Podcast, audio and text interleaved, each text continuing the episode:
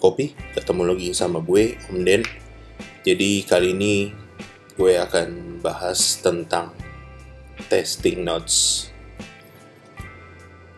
Jadi pada saat kita beli kopi, biasanya tertulis tuh testing notes.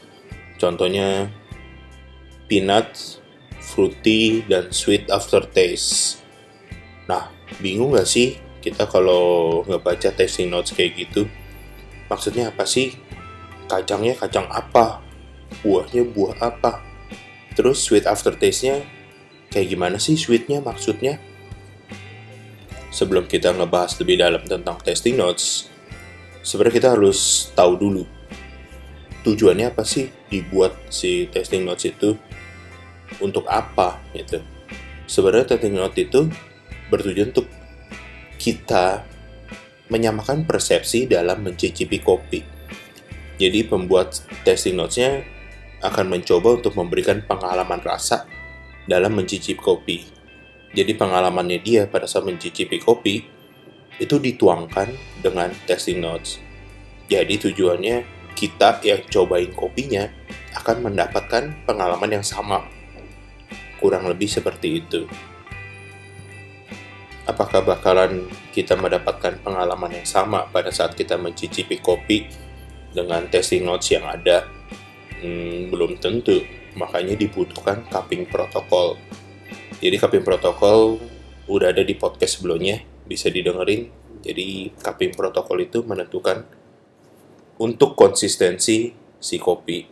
Jadi siapa pun yang mencicipi kopi tujuannya agar persepsinya sama apa yang kita rasakan dengan si pembuat testing notes di sini gue coba berbagi gimana sih cara membuat testing notes yang mudah.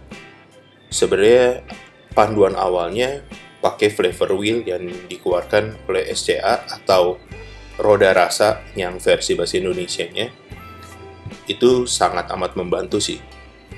Pada saat pembuatan testing notes sih, saya menghindari bahasa-bahasa yang indah atau mengawang-awang. Jadi cukup sederhana untuk pembuatan testing note kalau versi saya. Saya akan menganalisa kopi itu berdasarkan body, mouthfeel, acidity, sweetness, dan aftertaste. Contohnya seperti juicy body, green apple with sugar cane, and hint of tobacco aftertaste. Jadi ini cuma contoh doang ya. Apakah betul? Ya belum tentu, tapi yang saya rasakan pengalaman saya pada saat mencicipi kopi seperti itu. Jadi saya tuangkan ke dalam testing notes. Jadi testing notes yang tadi saya sebutkan, pengalamannya saya, saya merasakan bodinya yang juicy dan saya merasakan juga green apple jadi asemnya menyerupai apel jadi lebih ke malic acid. Terus juga ada rasa sugar cane-nya karakter sugar cane yang muncul. Dan terakhirnya aftertaste-nya saya merasakan tembakau. Balik lagi saya mencoba untuk berbagi pengalaman saya pada saat mencicipi, mencicipi kopi. Ya belum tentu benar dan belum tentu juga teman-teman yang lain bisa merasakan. Jadi testing notes ini cuman panduan aja pada saat kita mencicipi kopi. Ada nggak sih pengalaman yang sama seperti yang saya rasakan tadi misalnya? Gitu Nah, tujuannya persepsinya atau kita menyamakan persepsi. Gitu. Tapi ya banyak faktor juga yang bisa merubah rasa si kopinya. Yaitu variabel juga banyak juga gitu. Pada saat pembuatan testing notes, saya sangat menghindari testing notes yang tabrak-tabrakan. Contohnya seperti ini. Dark chocolate, honey, lime, strawberry hmm, saya sebenarnya saya sering nemu sih testing note seperti ini. Apakah salah? Enggak, nggak ada yang salah kok. Tapi untuk berbagi pengalamannya, saya agak sulit mencernanya. Maksudnya seperti ini.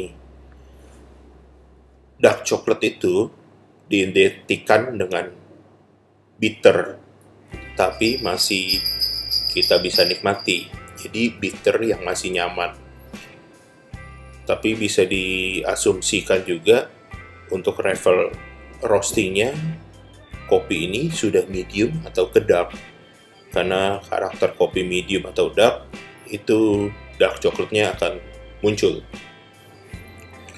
Pada saat level roasting kita medium atau dark, biasanya acidity itu akan tertekan atau kadar acidity-nya akan menurun. Dan saya agak bingung gimana bisa ada lime dan stroberinya yang notabene lime dan strawberry acidity-nya sangat tinggi.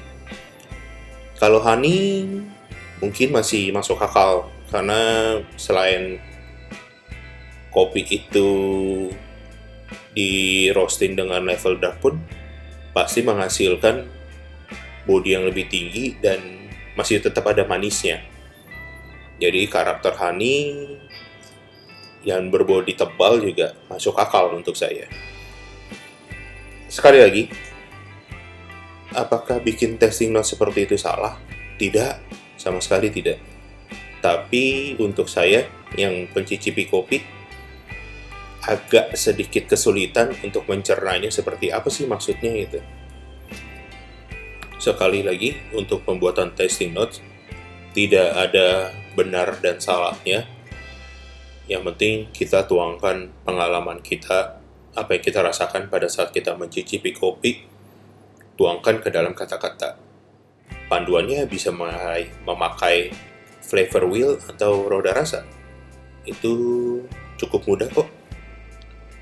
Sepertinya podcast dari saya untuk kali ini sekian. Kalau misalnya ada pertanyaan bisa ke IG aja di DM langsung dance underscore hermawan d e n s underscore hermawan.